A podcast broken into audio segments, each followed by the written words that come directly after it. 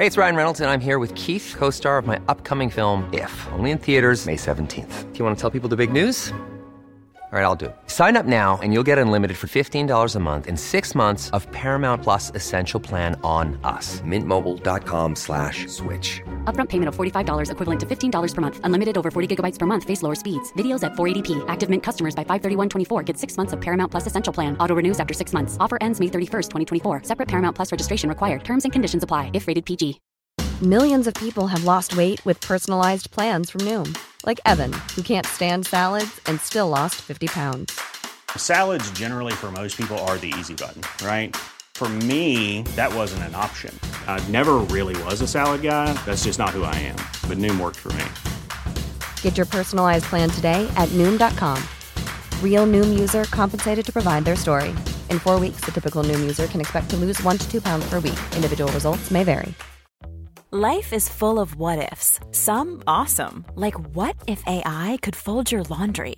And some, well, less awesome, like what if you have unexpected medical costs?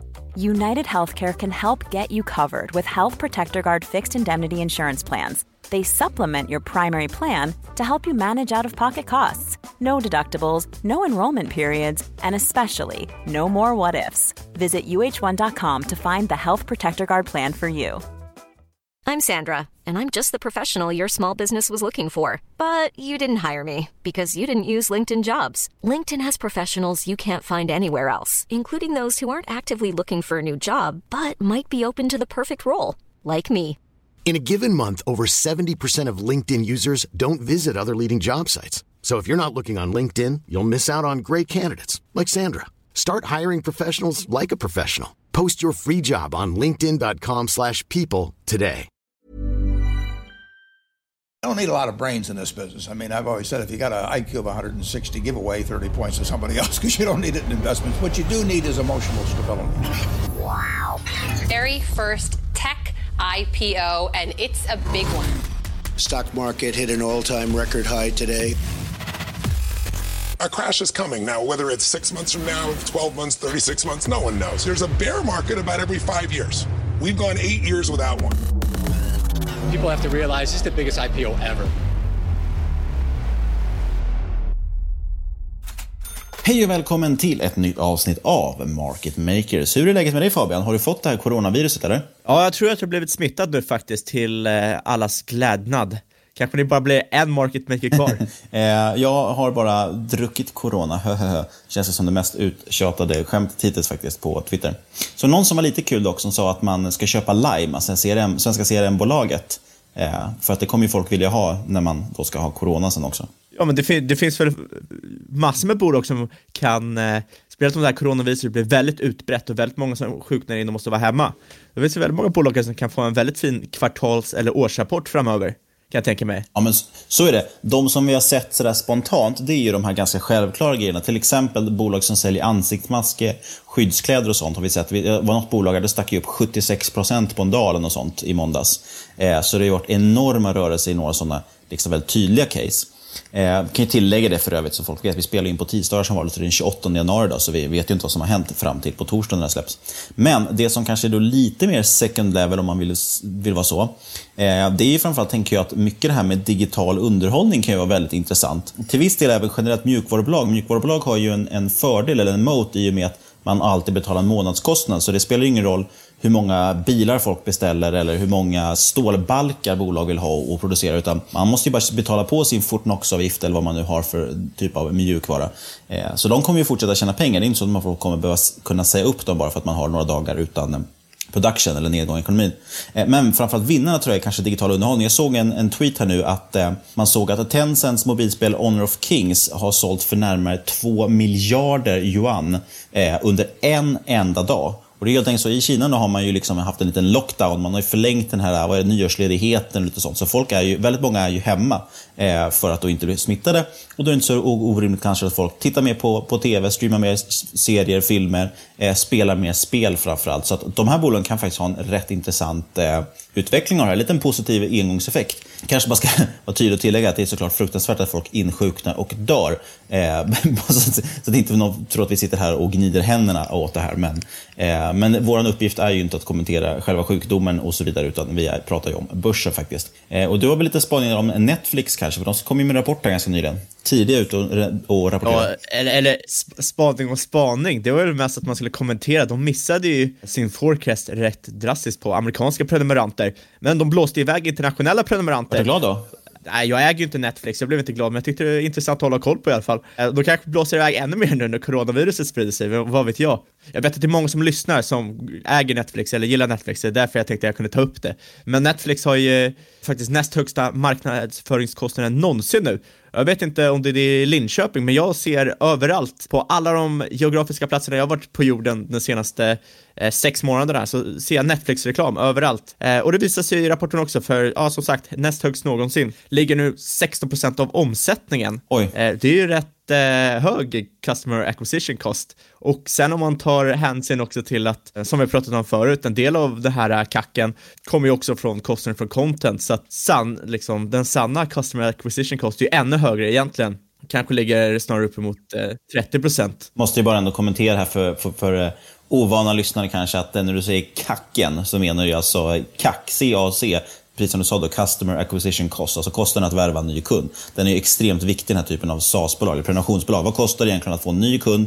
Eh, och sen är det ju också intressant att titta på hur länge behåller vi kunden och därmed hur mycket tjänar vi på den? Exakt, så kontentan är helt enkelt de har extremt höga marknadsföringskostnader just nu. Det som också var intressant med den här rapporten var att Netflix påpekade att det här kvartalet skulle vara peak negativt fritt kassaflöde. Alltså från och med nu skulle de vända och så skulle de börja närma sig positivt kassaflöde, vilket är väldigt intressant för det över tid kommer det leda till expanderande marginaler och ännu längre fram i tiden kommer det leda till vinst, vilket Netflix kan eh, behöva. Det är ju liksom lite så att egen content, det är ju en massiv fast kostnad du liksom satt, men genom att satsa hårt på den här tillväxten och framförallt förvärva många kunder så kan man, kommer Netflix förhoppningsvis kunna sluta den här fasta kostnaden på en större volym och eh, det är hela deras plan går ut nu, eller går ut nu på. Så helt enkelt, det är stor upfront-kostnad, men marginalerna kommer öka över tid. Så är det, för att de behöver ju egentligen inte mer content bara för att man får mer kunder. Man behöver alltså inte producera mer för att man får mer kunder.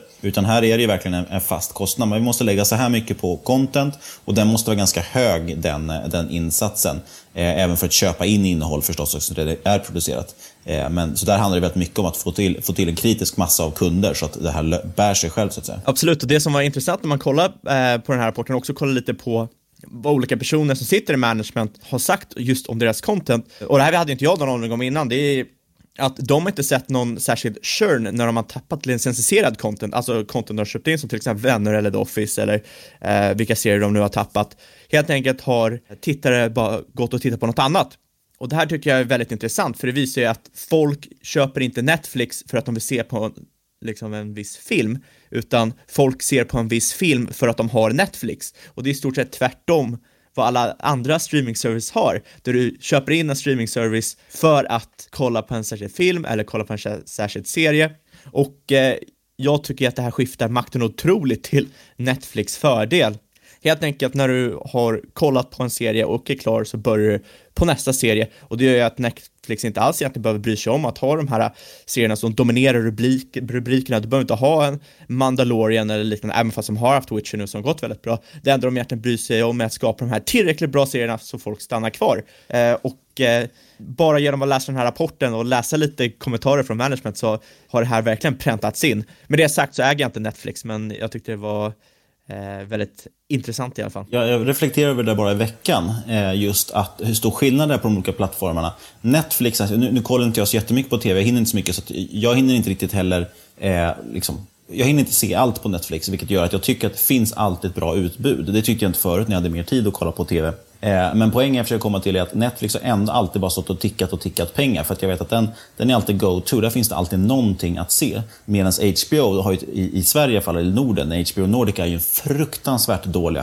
eller liksom app. Den är ju helt värdelös jämfört med Netflix. Men man betalar ändå för den bara för att man vill se specifika serier. Men där slår jag av och på just okej, okay, nu kommer en ny säsong av Billions, säger vi. Nu kommer en ny säsong av Silicon Valley. Ja, då slår jag igång min prenumeration, tittar på det som finns och sen stänger jag av den igen. Eh, så den är ju extremt content-driven. Och HBO har ju generellt generellt, får man ändå säga, har ju bättre eget content. Men å andra sidan blir det mycket mer beroende. Att, okay, nu är det en ny säsong Game of Thrones, då är det jättemånga som slår igång sina konton igen. Så jag, jag, tycker faktiskt att Netflix har en annan typ av kraft verkligen. Jag tycker att ändå det är tydligt. Eh, och är överlag en bättre upplevelse med hela appen och hur den funkar och sådär. Exakt, och det är det som är så intressant också att management faktiskt styr bolaget utifrån det här. De, de tänker inte att du och jag ska köpa Netflix, de tycker redan att vi har Netflix. Eh, och jag kan inte tänka mig att något annat management för någon annan streamingtjänst tänker på samma sätt. Och det som sagt ger ett otroligt maktskifte till just den plattformen. Men det var en jäkla lång utläggning för lite coronavirus. Vad ska vi prata om i dagens avsnitt Niklas? kan ju tilläggas för den som är nyfiken, Netflix är ju ett eget bolag som är noterad. Eh, men HBO tror jag ägs av, vad heter de då? Time Warner eller Warner Media eller någonting i den stilen. Som i sin tur då eh, köptes ganska nyligen av, eh, för något år sedan va?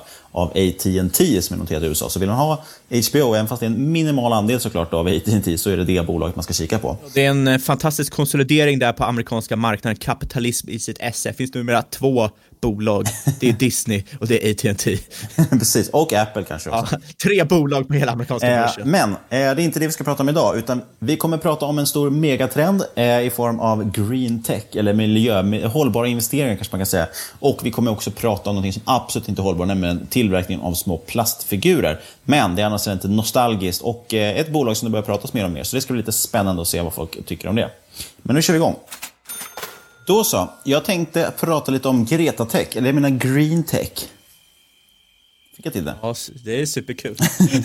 När man kollar på de här bolagen, eller de här aktierna ska säga, så blir man ju dock lite synd att man inte kollade på det här för kanske ett år sedan, för det har ju gått otroligt bra för många av dem. Vi kan ändå dra lite bakgrund kanske här, eh, så man får lite, över, eh, lite perspektiv på att, att folk faktiskt bryr sig om det här. Eh, tittar vi på World Economic Forums Global Risk Perception Survey för 2019 till 2020. I den här då, då surveyn, alltså undersökningen, så rankar man egentligen olika typer av globala risker och man rankar dem efter deras impact, det vill säga hur stor effekt kan de få. Eh, exempel på något som kan få extremt stor effekt är såklart massförstörelsevapen, alltså atombomber och den typen av saker. Det ligger högt på impact, men kanske lägre då på den andra faktorn, nämligen likelihood, det vill säga hur troligt är det att det här kommer ske. Eh, och då är det såklart, de största riskerna, det som är mest intressant, är att titta på de som har högt impact och likelihood. Eh, och för första året någonsin då så är faktiskt samtliga topp fem risker eh, risker som går under kategorin environmental risks. Det är alltså saker kopplade till olika former av miljöhot. Då. Eh, de fem är ju då Climate Action Failure, det är Biodiversity Loss, Natural Disasters, Human Made Environmental Disasters och Extreme Weather. Alltså olika typer av klimatpåverkan framför allt egentligen. Då. Och såklart, en liten disclaimer här återigen, som jag sa lite om coronaviruset. Eh, det är inte så att vi... Ja, för, för det första är vi inte experter på det här, ska också tilläggas, om vi nu ändå håller på med disclaimers. Men vi kan ju också nämna att eh, det kan vara lite fult att prata om att man ska kapitalisera på saker som är hemska. Men vårt jobb är ju liksom ekonomi, så, att, så att det är den biten vi kommer fokusera på. Det, det liksom, finns ju egentligen dock större, värre saker. Tala för dig själv, fan. Jag vill, jag vill profitera på döende ungar och fan vet jag, jävligt hemska saker. Så länge man kan tjäna pengar, då är det lugnt. Men jag läste en, eh, jag läste en eh, rapport här en veckan från en geopolitiker som heter Ian Bremmer. Och nämnde han liksom de topp 10 sakerna som han och hans think tank hade utkik över för 2020 som han tyckte var de största geopolitiska riskerna. Och då, på tal om green tech, då nämnde han det här politik versus ekonomi eh, i klimatfrågan Eh, det här eh, Greta-grejen kommer bli ännu större under 2020 och kommer se det här anti-elite backlash. Troligtvis, som det ser ut nu, kanske vi till och med får en Bernie Sanders som går mot en Trump. Du kommer se ännu mer compliance i företag som ska eh, rikta sig mot eh, olika typer av eh, miljökrav. Väldigt svåra krav att möta och det är värt att nämna att över en tredjedel av allt globalt kapital redan har ESG-mandat och eh, det gör ju att biljoner dollar kräver redan exklusion från investeringar i bolag som inte möter klimatmål och det här kan bli ännu större.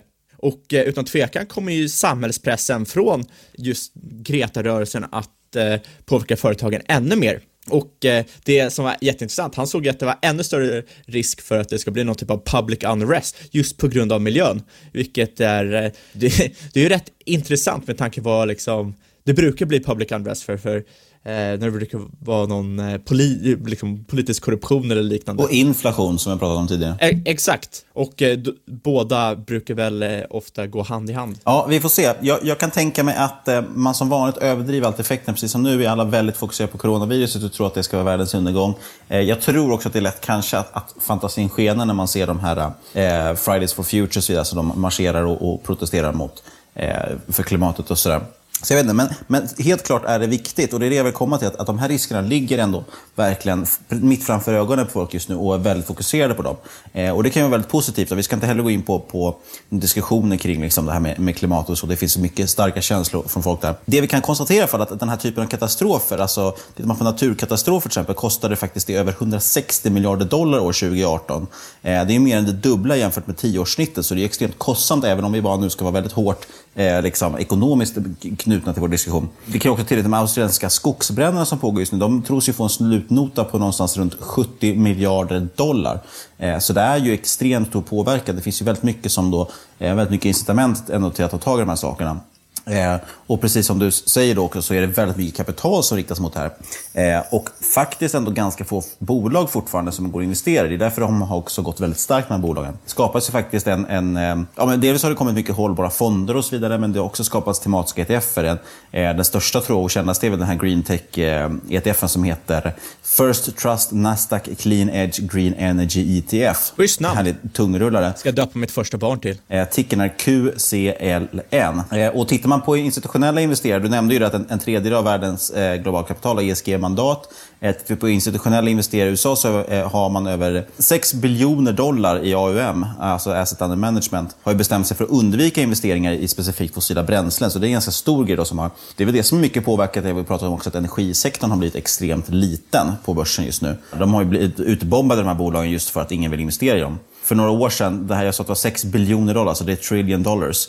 Eh, för några år sedan var den siffran bara runt 50 miljarder dollar, så det är en enorm tillväxt. Ja, vi såg ju bara för någon vecka sedan, eller två veckor sedan, var ju Blackrock som är världens största, eh, vad heter det, money manager. Ja, kapitalförvaltare. Kapitalförvaltare, största AUM på planeten, så att de skulle gå mot mer sustainability och climate change. Så det om något kommer ju påverka. Jag är lite kluven för det. Jag vet faktiskt inte hur, hur pass mycket effekt hållbart investerande som det heter faktiskt påverkar. Jag i, i min erfarenhet tänker att det kanske inte spelar så stor roll, men det är klart att det ger incitament och gör att folk vill starta fler bolag och eh, man har lättare att kapitalisera. Så, så det kanske är en, en bra grej ändå. Jag, jag vet faktiskt inte om det har någon riktig effekt. Jag tänker att tvärtom, att om du kör hållbart investerande som att du inte investerar i ohållbara bolag gör det ju jättestor effekt. Ja, ja men det är säkert sant. Utesluter till exempel oljebolagen och liknande. Jag kan, jag kan inte påstå att jag har, har funderat så mycket över så därför jag, jag säger att jag inte vet. Eh, 2018 så var ungefär en fjärdedel av USAs professionellt förvaltade kapital eh, riktat mot specifikt sustainable assets. Just solenergi ska ju tilläggas, det är en av de förnybara källor som det investeras allra mest i också. Eh, och ganska långt efter det ligger tvåan vindkraftverk eh, och liksom de andra källorna är i princip helt nollade. Då. Det investeras väldigt lite i det. Eh, och det har nog att göra med att IPCC, det här forskar, eh, forskar eh, vad säger man, samfundet eller det, lyft fram just solenergi och vindkraft som framtidsenergikällor just för att de har så pass låg miljöpåverkan och faktiskt går att använda i princip överallt. Men de behöver också lagring för att kunna fungera dygnet runt. Eh, så jag har faktiskt kikat på just lite lagrings, ellagrings och solcellscase. Känns det okej? Okay? Oj, intressant. Jag trodde det skulle vara oljecase. Vad fan? Jag trodde vi skulle eh, krossa kapitalismen genom att investera i olja. Ja, men det har vi redan kört. Vi har pratat om energisektorn. Och jag, jag vill i alla fall börja med det, det mest spännande caset då, tycker jag. Och det är Solar Edge. Eh, ticker SEDG. Har du hört talas om dem? Eh, ja, jag har faktiskt hört talas om, men jag har inte läst närmare på dem innan du tog upp dem. De är noterade på Nasdaq, de börsvärde på närmare 5 miljarder dollar, så det är inte jättestort egentligen i amerikanska mått mätt. Eh, och som namnet antyder handlar det om solenergi och eh, framförallt, det här är ett typiskt hackar och spadare-bolag. Det handlar om utrustning kopplat till just solceller. Det är ju egentligen inte solceller man säljer. Eh, och man har kunder runt om i hela världen och sitt huvudkontor har man i Israel av alla ställen. Eh, grundades 2006, eh, sedan några år tillbaka lönsamma, så det är kul. Eh, och aktien har gjort en fenomenal resa. Som jag nämnde tidigare så är många av de här bolagen har gått extremt bra. Senaste året är den upp 150 procent. då tänker man att okej, okay, då är det ju sanslöst dyrt. Men det är faktiskt inte så himla blodigt som man kan tänka sig. Eh, P talet ligger på 45 på rullande 12 månader. Alla de här siffrorna plockar vi från börsdata så, och allt det ligger på rullande 12 för nu har inte Q4 kommit in för no, särskilt många av de här bolagen. Kan eh, PS ligger på 3,7, EV-EBIT 26. Eh, så det är inte billigt, men det är heller inte uppåt väggarna så att säga om man tror på stark tillväxt. Och framförallt ett bolag som då är i den här megatrenden som många är intresserade av. Och många köper blint får man ändå säga också. Eh, hyfsade marginaler, 33% bruttomarginal, 8% vinstmarginal tycker jag är jävligt bra med tanke på att det är ändå hårdvara man säljer. Det brukar vara betydligt svagare. Eh, dessutom nettokassa och eh, ser väl okej okay ut, eh, ser väl okay överlag ut liksom, om man tittar på siffrorna. Men caset är ändå ganska tydligt. Det handlar ju framförallt om att man växt med snitt 33% per år de senaste fem åren. Eh, klassiskt som sagt hackar och spadarföretag. Det är omvandlare, övervakningsutrustning, olika typer av hårdvara som kan optimera den inlagringen och så vidare. Och så vidare. Det är liksom allting som behövs runt omkring egentligen för att ta tillvara på, de här, eh, på solen som skiner på solcellerna. Och jag vet ju Fabian att du, har ju riktigt, du är ju riktigt sugen på Tesla, det gillar ju du. Eh, och då kan ju du glädjas åt att man faktiskt har ett samarbete med Tesla kring, just, kring utrustning för solceller och lite annat tjafs. Så det är ett, eh, det här är ett spännande bolag. Eh, tycker jag faktiskt. Och jag äger faktiskt lite, lite aktier själv. Oj, oj, håsar upp dina egna bolag. Inte okej. Okay. Som sagt, nu i, i måndags då, igår så gick det här bolaget ner 12% Det var ju en rejäl sell-off här på grund av coronaviruset.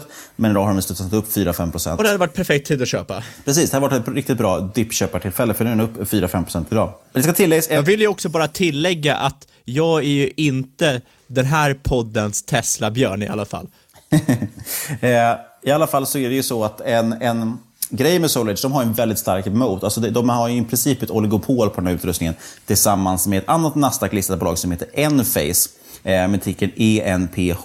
De har dock gått upp närmare 400% på ett år, så här kan vi förvänta oss lite saftigare prislapp eh, eller då abnorm tillväxt kanske som motiverar. Eh, börsvärdet, börsvärdet här ligger på 3,6 miljarder dollar, så det är lite mindre och även lönsamma.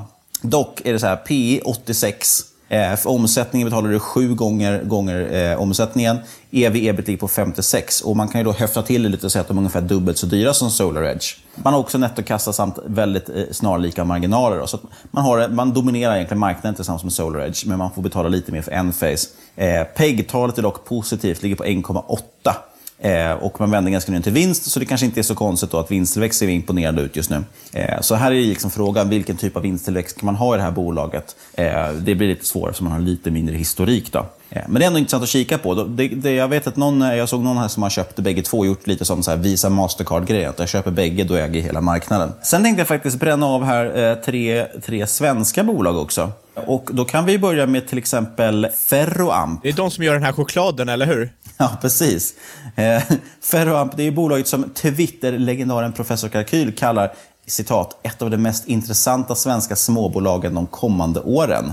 Det var inte dåligt va? Nej, det är eh, lovord mm. det här. Nu kommer vi se hur aktien går på fredag. eh, många av de här bolagen har ju gått väldigt starkt som sagt. Så är det för Ferroamp också. Eh, man är upp över 300% sedan noteringen för knappt ett år sedan.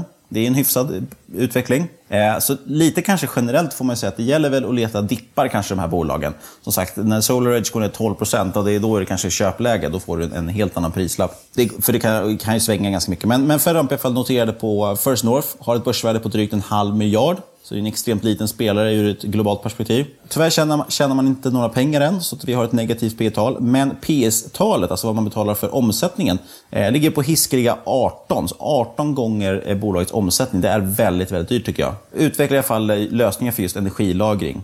Eh, och det här är ju då såklart högintressant. Vet du varför? Varför? För att solen lyser som bekant inte på natten, som man brukar säga. Som man brukar säga. Visste du inte? Ja. Nej, det var nytt eh, för mig.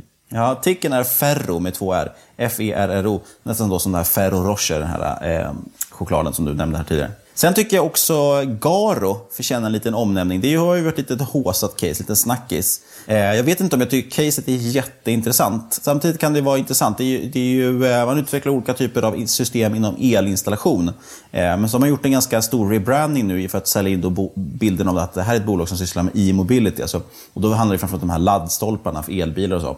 Eh, så grön energi, elektrifiering och sådär. Eh, och eh, även om det här inte är en jättestor del av bolagets omsättning så är det mycket det man fokuserar på just nu. Så det är ändå intressant och det är lönsamt. Det är, man delar ut en liten skvätt, man har ungefär en dryg procent i direktavkastning. P tal på närmare 40 kan kännas kraftigt.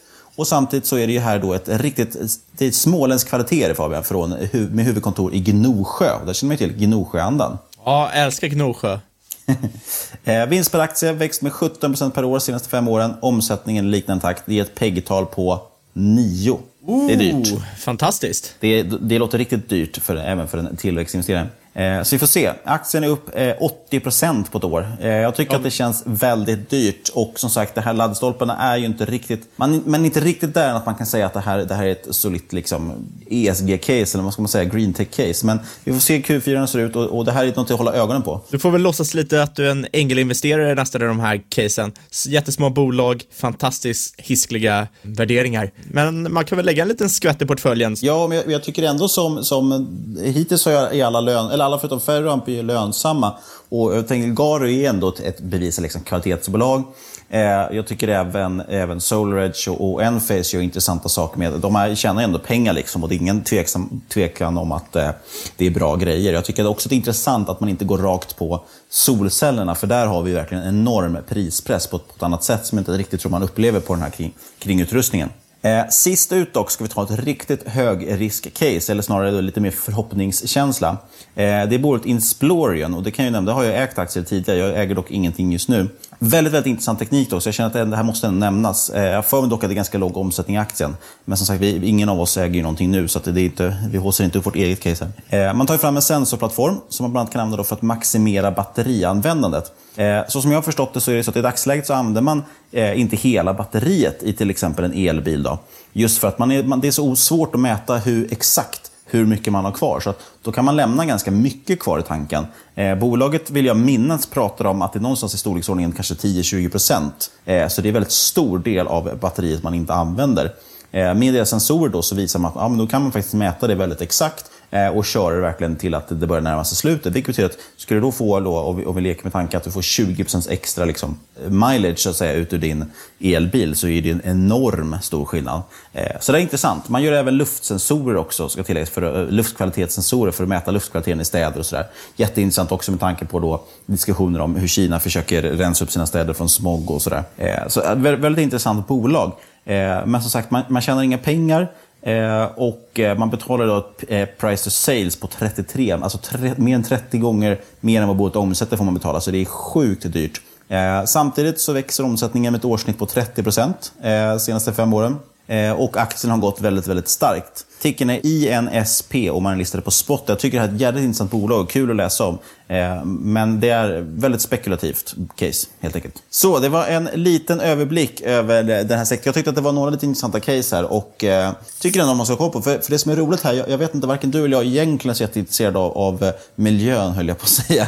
Men eh, vi, vi, ingen av oss som invest, vi liksom tänker investera hållbart bara för hållbarhetens skull. Eh, men jag tycker ändå att vi är intresserade av teknik och det här är jävligt spännande teknikbolag faktiskt. För det är ändå, en del av dem har fram, börjat ta fram väldigt spännande grejer. Och jag tror det kan finnas en, en styrka i vissa av de här eh, affären helt enkelt. Och så är det alltid kul att ha en megatrend i ryggen ändå. Absolut, speciellt de här äh, gräva, guld, gräva guldspade höll jag på att säga, men guldspadebolagen. Där man kan få lite högre marginal och eh, än om man investerat rakt in i in the target. Men vad använder man guldspadar till? Gräva guld såklart. Vad använder du för spade för att gräva guld? jag brukar använda en vanlig spade. Fan vad fattigt. Går det inte bra på börsen för dig hör jag? Ja, verkligen. Jag har ju inte hittat något guld än ja, men nu har vi pratat, nu är vi klara med PK, PK-delen av programmet då, och då vill du prata om engångsartiklar. Du, jag vill prata om plast, jag vill prata om blyfärg, jag vill prata om att förgifta miljön så mycket som möjligt via väldigt mycket utsläpp. Nej men någonting som har, eh, jag har lagt märke till eh, senaste tiden är ett eh, litet bolag som heter Games Workshop. Mm, det är för att du inte är någon riktig nörd. Du vet att jag hängde på riktigt Games Workshop-butiken mitt emot Gallerian i Stockholm. Där hängde jag ju alltså med kanske två till tre gånger var jag nog där åtminstone per vecka när jag var liten. Och det är helt sjukt att vi är vänner. Jag, jag, vill ju säga att jag vet ju vad Games Workshop är, jag ska komma in på vad det är. Men jag har aldrig varit där. Och jag, jag shamear ingen som har varit där. Niklas, det är helt okej, okay. du får göra vad du vill. Uh, whatever floats your boat. Själv spelade jag WoW, fick inga tjejer på grund av det heller liksom, så det är väl samma sak. Men i alla fall, Games Workshop, brittiskt bolag grundat 1975, främst känt för att producera och sälja miniatyra krigsspel. Det är de här små gubbarna, ni kanske har sett dem? Och inte datorspel ska vi vara tydliga med. De har i och för sig datorspel idag som de licensierar ut till. Men det här handlar inte om, om tv-spel. Det är lätt för folk att tro att det ska vara digitalt allt idag. Exakt, det här är fysiskt. Ni har säkert hört talas om Warhammer. Det är små gubbar, du köper plastgubbar som du målar och sen eh, krigar med i en form av spel. Tänker till exempel eh, Magic the Gathering om ni har eh, hört talas om det, eller kanske Dungeons and Dragons. Där är olika, det är kortspel och ett brädspel. Men tanken är ju liknande, det är ett krigsspel som är fysiskt. Inte digitalt, jag vet, sjukt, den digitala eran. Och det här är ju en riktig sån nördgrej, för, för det man gör är också, många köper ju då stora, stora, liksom, lägger ner stora mängder pengar på att det vill köpa rätt karaktärer och måla dem och så vidare. Eh, och du målar ju alltså dem själv, så det handlar ju också om att du måste vara lite duktig på att, att måla det här. Men sen lägger också folk stora pengar på att bygga upp stora landskap. Man alltså bygger ett, kanske ett stort bord liksom, där man bygger borgar och, och eh, liksom stora slätter och grejer där de här slagen sen ska utspela sig. Och det var kul att du nämnde World of Warcraft, för det är ju mycket den, den världen som Warhammer utspelar sig i kan man säga. Det är ju det här, det är orker, människor, dvärgar och så vidare. Den här typen av klassiska fantasyvarelser. Lite Sagan ringen-style på det också. Eh, sen har man även Warhammer 40K som är samma sak i framtiden. Var du en Sagan om ringen-kille eller en Star Wars-kille när du växte upp? När jag växte upp var jag en Star Wars-kille, sen har jag blivit en Sagan om ringen-kille. Oj, vad politiskt. vad är du då för något? Jag har alltid varit... kille bubblare. Ja, Star Trek. Jag har alltid varit en eh, Sagan om ringen faktiskt. Live long and prosper. Men i alla fall, anledningen varför det här bolaget är så jäkla intressant är för att det går så jäkla bra för det här bolaget. Vilket inte jag hade tänkt för att jag, eller jag, jag kan tänka mig att alla någonsin har sett det här, alla som lyssnar på den här podden i alla fall som är lite av den nördigare typen, vilket antagligen alla är som lyssnar på den här podden, för ni lyssnar på en podd om aktier. Men i stort sett, ni har sett någon eller hört någon eller kanske hållit på med det själva som sitter och målar gubbar och sen krigar med dem. Men så kanske ni pratar med någon som är 10-20 år äldre och då känner de också någon som har gjort det. Eh, och så pratar ni med någon som kanske är 10-15 år yngre och så inser ni, oh shit, de håller också på med det här. Och det visar ju på någon typ av staying power och eh, helt, upp, eh, helt plötsligt kikar man upp bolaget och så visar det sig, jaha, det går jävligt bra. Så det tänker jag att vi ska ta upp det. Det var en väldigt lång inledning på varför vi pratar om det här bolaget i den här podden. men, men jag tycker också, jag har stött på det här några gånger nu lite sen, folk på Twitter som, som skriver om det. Jag har varit faktiskt också förvånad. Dels blir man alltid chockad, så här, just det, fast det är ju noterat såklart. Eh, och sen så är det intressant att se att det faktiskt går så bra för den. Det trodde inte jag. jag. Jag skulle kunna tänka mig att det var en sån här business som har växt 1-2% per år i typ 100 år. Liksom.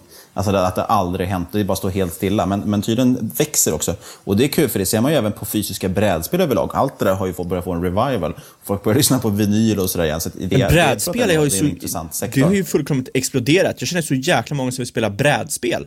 Och jag bara, okej okay, visst vi kan spela brädspel, men det är verkligen, det är verkligen så här jättestort intresse nu för tiden. Det var aldrig så när, när liksom jag var barn, då var det liksom, ah, ska vi spela Monopol? Ah, helst inte. Nej, och, och det har gått mot att göra mer och mer nördiga spel om man får säga så. Just generellt har ju nördkulturen något som växer väldigt, väldigt starkt. Det ser man ju faktiskt också på alla de här streamingtjänsterna och det som vi pratade om innan. Att den typen av serier går ju väldigt bra. Eh, och folk tack vare internet kan verkligen nischa sig på saker och nörda ner sig i saker. ser man väl på aktievärlden också, att folk blir mer och mer nördiga i det. Eh, men just, just fysiska spel, brädspel har ju blivit väldigt stort och som sagt mer komplexa spel hela tiden och mer, mer prylar till dem. Ja, men på tal om nördighet, då kanske vi ska dyka ner i siffrorna i det här bolaget då och förklara lite mer om vad det handlar om. Så det absolut intressantaste, eller det som kommer liksom, om det himlar med ögonen, vad fan är det här? Då kan jag inleda med att säga att omsättningen för halvåret i det här bolaget är upp 20%, vilket är relativt fantastiskt, för det är något som har varit en non-event period, det vill säga inga nya upplagor av Warhammer har kommit ut. Så bara organiskt bolaget växt 20%.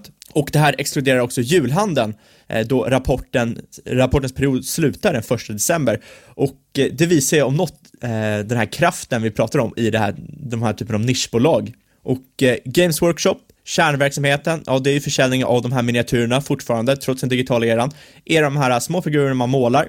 De har i stort sett tre intäktskanaler. Eh, du har trade, du har retail och du har online.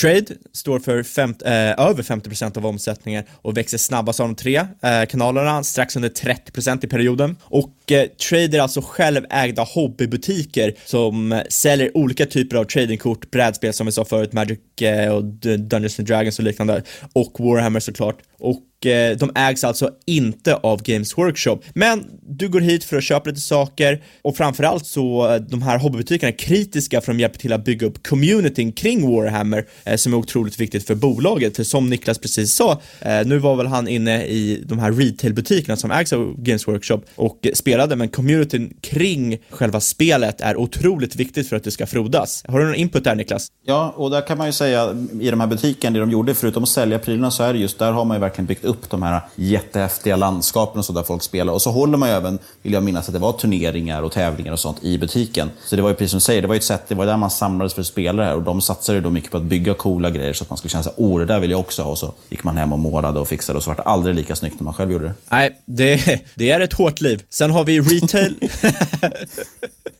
Sen har vi retail eh, och det är som sagt det är Game Workshops egna butiker, står för cirka 30% av omsättningen. Växte endast 7,5% eller utgjorde endast 7,5% av tillväxten. Växer alltså långsammare än vad de här eh, tradebutikerna gör. Det är ju väldigt viktigt för Games Workshop att öppna sådana här retail-affärer eftersom det hjälper till med brand awareness och få igång Warhammer-communityt i nya områden. Men som sagt, Warhammer är starkt beroende av den levande communityn och därav är de starkt beroende av de här tradebutikerna Framförallt så är det ju mycket mer praktiskt ekonomiskt. Det är oekonomiskt att sitta och öppna massor med egna butiker bara för att sälja Warhammer. Därför satsar de ju väldigt mycket på att växa just via trade. Sen utöver det, den tredje kanalen som jag sparat till sist, det är online-kanalen och står för cirka 50% av omsättning och eh, växte ungefär 15% också. Men vi har pratat mycket om communityn.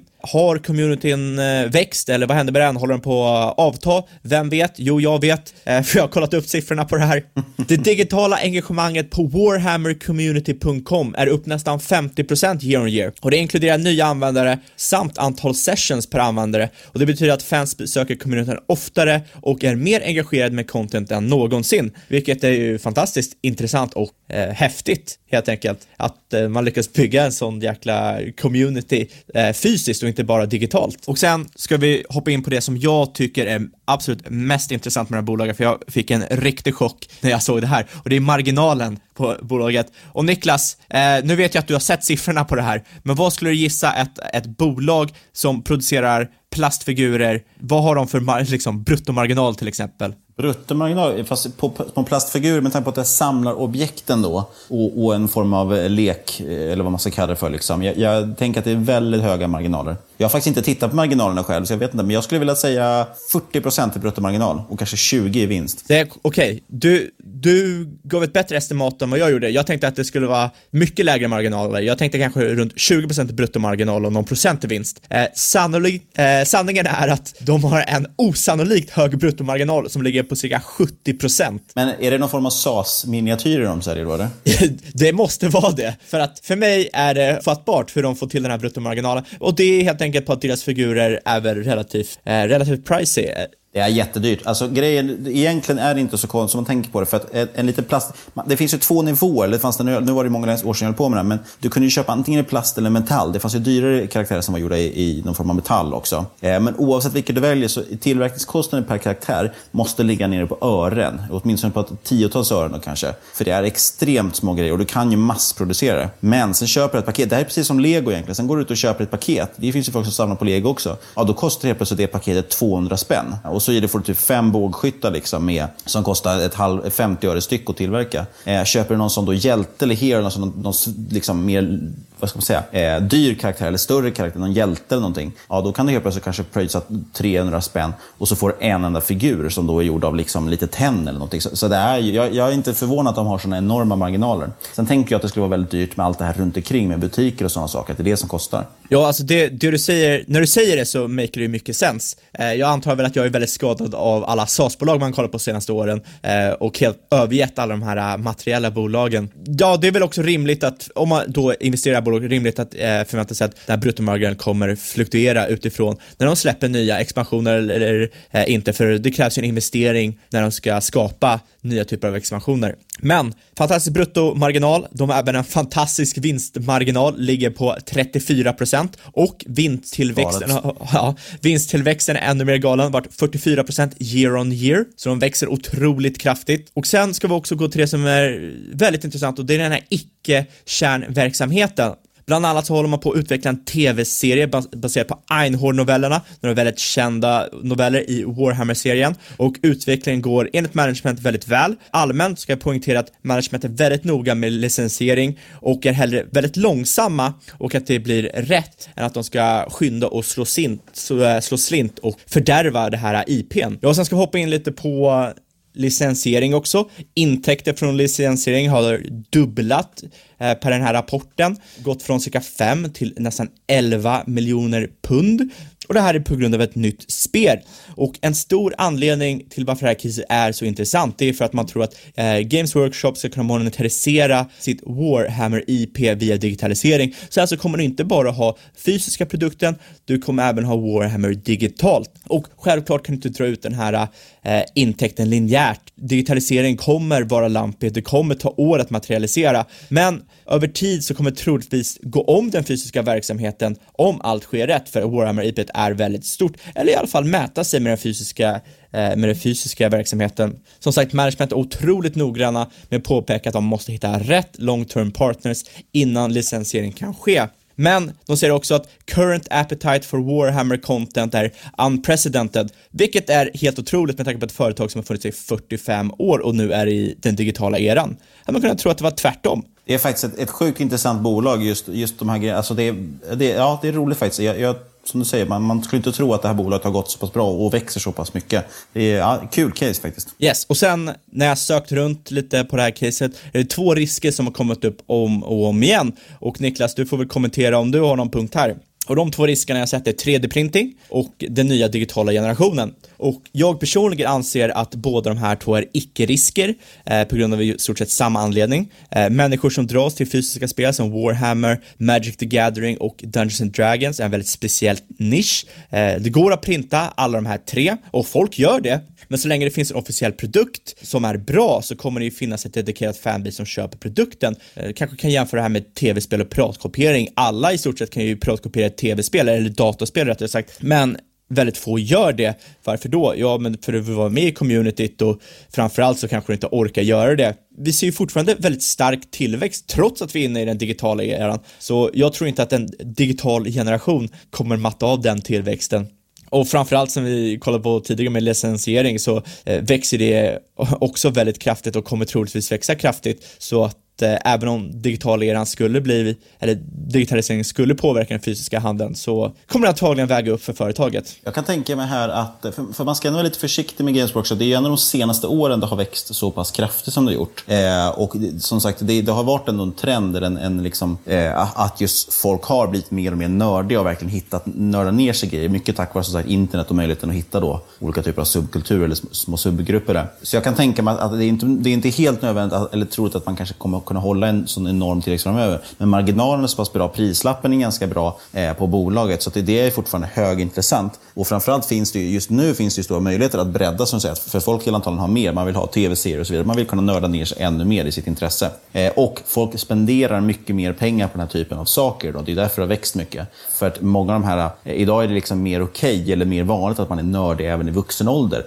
Och det är i vuxen ålder man har råd att spendera pengar. När jag var liten vi hade inte råd att köpa några prylar. Jag hade trott att min brorsa hade hållit på en del också och fick liksom ärva grejer. Men man hade inte råd att köpa de här dyra prylarna. Medan man som, precis som att man inte hade råd att köpa tv-spel när man var liten. Men däremot när man är vuxen, ja, då har man plötsligt möjlighet att lägga pengar på de här sakerna. Absolut, och jag tror det, det du säger med eh, att senaste åren har exploderat. Jag tror mycket det har med just digitalisering att från att ha varit en väldigt nischprodukt som väldigt få känner till så är det mycket lättare att lära sig eller att hitta sådana här typer av bolag och sådana här typer av produkter. Som du säger, brädspel. Jag tror inte det bara är en produkt av att folk säger nej till digitalisering utan snarare att det kanske är lättare att hitta. Eh, bara kolla, kolla på en hemsida som Reddit, en av världens största hemsidor. Där finns det hur många subforum som helst tillgängliga till sådana här olika typer av spel och har du hittat ett så har du helt plötsligt hittat, eh, hittat alla håller jag på att säga. Så det är mycket lättare att hitta sådana här typer av nischer och jag vet inte om Visst, eh, det kanske inte nödvändigtvis behöver gälla för Games Workshop, alla kan ju ha fel i ett case, men jag tror inte att de här fysiska nischprodukterna, eller överlag nischprodukter,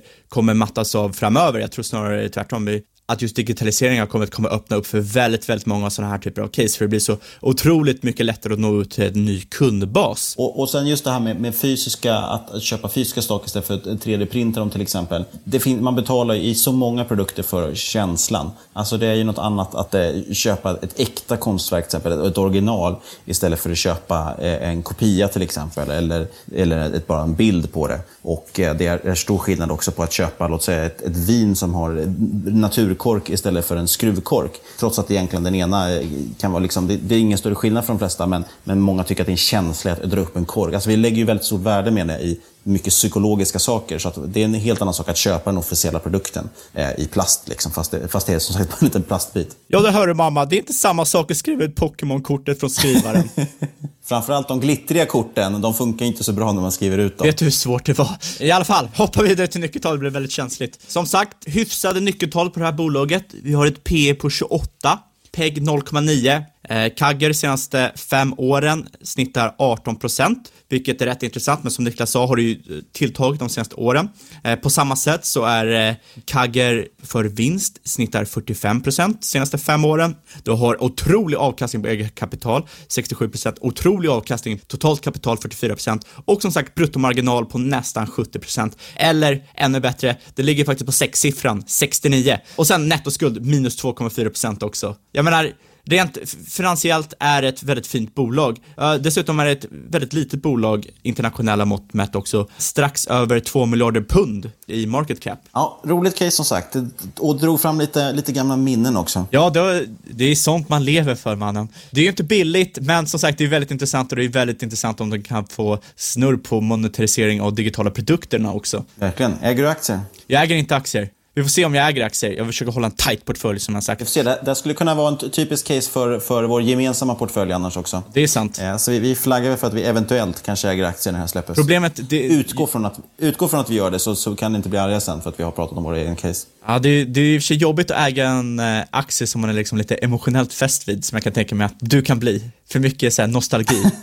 Nej, det var länge sedan. Glorious memories.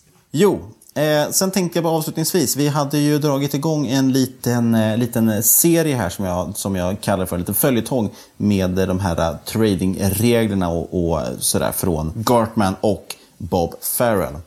Och då tänkte jag det här är lite kopplat till det som händer just nu. Gartman har då en regel som säger Buy that which shows the greatest strength, sell that which shows the greatest weakness. Eh, de har lite fin metafor här också. Eh, den blötaste liksom, eh, papperspåsen, den går ju också sönder lättast och den starkaste vinden lyfter med sig, drar med sig skeppen längst. Jag vet inte, är det, var det en bra metafor tycker du? En väldigt bra metafor, väldigt fin, väldigt poetisk. Jag ska faktiskt sno den och ta den som en egna och kalla den Fabians Men, regel vad, för trading. Vad menar man egentligen med det här? Köp det som visar stark, mest styrka och sälj det som visar mest eh, svaghet. Vad menar man egentligen Fabian? Jo, men det är väl det vi pratar, brukar prata om att det finns ju alltid momentum, både på uppsidan och nedsidan. Eh, och du får ju välja vilket momentum du vill bli skjutet av. Och anledningen till att jag valde just den här regeln faktiskt att lyfta den här veckan var just för att vi hade då något litet minifall här. Det var ju bara någon procent gick ner här i måndags. Eh, men det är ändå intressant. Just den typen av händelser är väldigt intressant att titta på. Vilken typ av bolag faller mest? Som sagt, SolarEdge föll 12 procent. Det är ju då ett svaghetstecken uppenbarligen. Eh, Medan andra bolag bara kanske föll en halv procent eller vissa gick ju till och med plus. Titta efter hela tiden när man ser sådana trender. Vilka är det som rör sig mest i trenden? Eh, det, det, är inte så att man vill leta betat, det som följer liksom börsen mycket så. Men, men generellt att titta på vilka aktier verkar generellt ofta stå emot. Liksom. Eh, jag vill ändå påstå, bara, det är ett slitet exempel nu, men Fortnox är typ en sån som jag alltid tycker eh,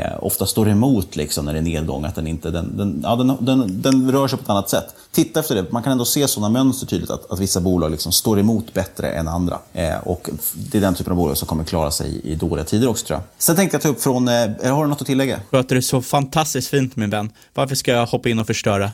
Sen, sen tänkte vi skulle ta från Bob Farrell då, som nämner det. Exponential, rapidly rising or falling markets usually go further than you think, but they do not correct by going sideways. Alltså, Eh, exponentiellt, eh, marknaden som rör sig exponentiellt, eh, antingen när de faller då och kraschar eller går upp eh, rejält, eh, kommer alltid röra sig mer än vad man tänker. Och det pratar om återigen det här med momentum, att, att saker ofta kan fortsätta längre än vad man tror. Eh, men det viktiga här det är just “but they do not correct by going sideways”, det vill säga det är ganska ovanligt ändå att börsen går upp väldigt starkt och sen har en konsolidering och sen går den upp väldigt starkt igen. Det är väldigt sällan den stannar upp och liksom samlar kraft på det sättet utan korrigerar den, ja då gör den oftast det genom att göra ett, ett V neråt helt enkelt, fort ner igen i källan om det har gått upp tidigare. Så det är intressant att tänka på att det är ofta snabba vändningar. Och det kan vara intressant just när det kommer sådana här event som nu har börsen gått väldigt starkt. Eh, marknaden har ju någonstans väldigt mycket letat efter en anledning kanske försöka sälja av lite och eventuellt då kan en sån här sak som coronaviruset vara triggern. Men annars verkar det bara som att det var köpa dippen för nu är allting på väg upp igen. Så länge Fed sitter där och skjuter in likviditet så är det lugnt. Exakt. Så faktiskt någon, någon rubrik här när börsen går ner 1,5 procent liksom, och då kommer det ut någon som att eh, investerare begs Fed for keeping interest rate low. Typ. Att de ber att ja, men se till att hålla räntan låg. Lova att hålla knäna under armarna. Och jag vet, man har helt tappat fokus på vad de egentligen ska jobba med. Kanske, kanske ska ha en liten rant om det här med inflation nästa vecka. Jag vet, vi har fått många frågor vad vi egentligen menar när vi säger att man mäter inflationen fel. Eh, kanske någonting vi, vi får ta, ta upp här. Det beror på. Vi, vi har ju mycket spännande case också vi pratar om. Pratade vi inte om det i avsnitt tre? Länge sedan. Det är värt att ta igen. Ja, nej, förresten, jag, sa jag tre? Jag menade att det inte fanns. Gå inte tillbaka och lyssna på gamla avsnitt. Tack så mycket. Däremot var det väl typ avsnitt tre för året. Alltså nu i år så tror jag vi tog upp det också faktiskt lite grann. Men jag, jag har lite mer, jag skulle kanske vilja prata om det. Men nu tar vi och rundar av det här och säger tack för idag. Och då vill vi som vanligt påminna, inget hört i denna podcast ska ses som rådgivning. Alla åsikter i våra egna eller vår gäst och eventuella sponsorer tar inget ansvar för det som sägs i podden. Som sagt, gör alltid din egen analys. Det gäller alltid alla investeringar förknippade med risk. Eh, och sker framförallt under eget ansvar. Yes, och vill ni skälla på oss för att vi har dåligt inflytande på era barn, kontakta oss på podcast at marketmakers.se eller på Twitter at marketmakerspod. Och vill man ha lite Warhammer-prylar till sina barn kanske, kan man väl mejla mig, kan jag se om jag har något kvar hemma hos eh, mamma någonstans. Exakt, men då måste ni lämna en positiv recension på iTunes, för eh, vi måste få lite mer lyssnare så vi får mer sponsorer för att eh, jag har inte råd med nya skor till eh, våren. Tufft liv. Hörni, eh, sist men absolut inte minst, stort, stort tack för att ni har lyssnat. Vi hörs igen om en vecka. Förhoppningsvis då med nya skor på fötterna. Och utan coronaviruset.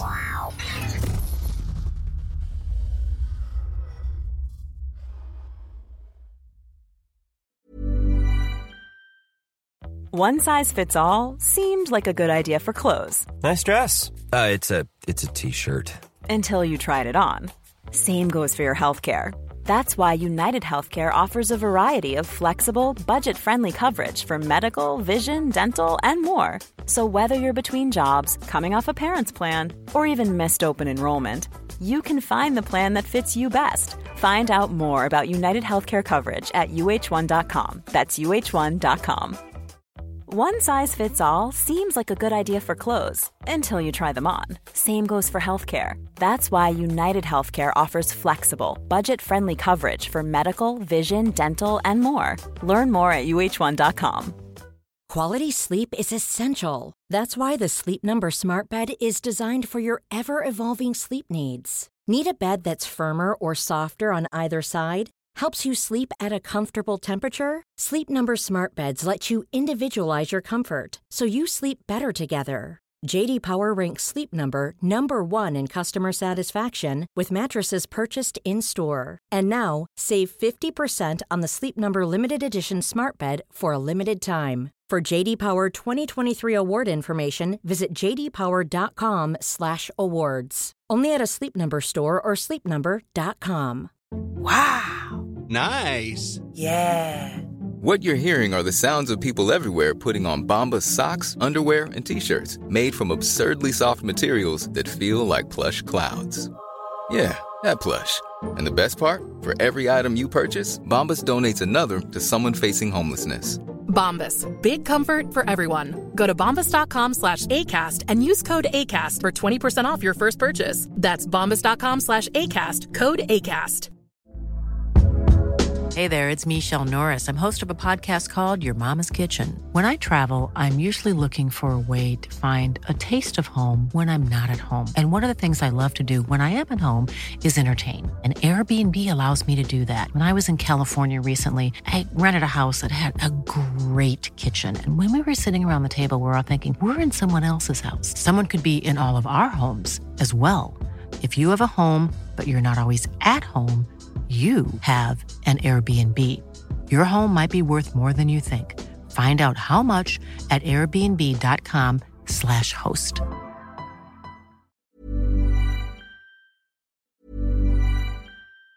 Even on a budget, quality is non-negotiable. That's why Quince is the place to score high-end essentials at 50 to 80% less than similar brands. Get your hands on buttery soft cashmere sweaters from just 60 bucks, Italian leather jackets, and so much more.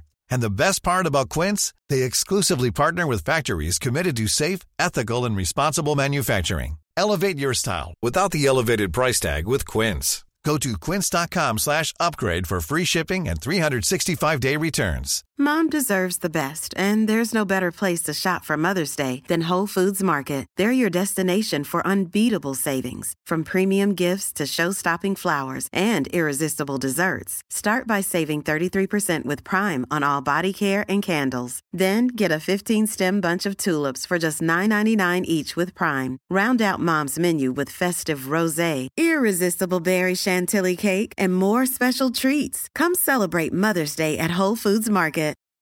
For the ones who work hard to ensure their crew can always go the extra mile, and the ones who get in early so everyone can go home on time, there's Granger, offering professional grade supplies backed by product experts so you can quickly and easily find what you need. Plus, you can count on access to a committed team ready to go the extra mile for you. Call, clickgranger.com, or just stop by.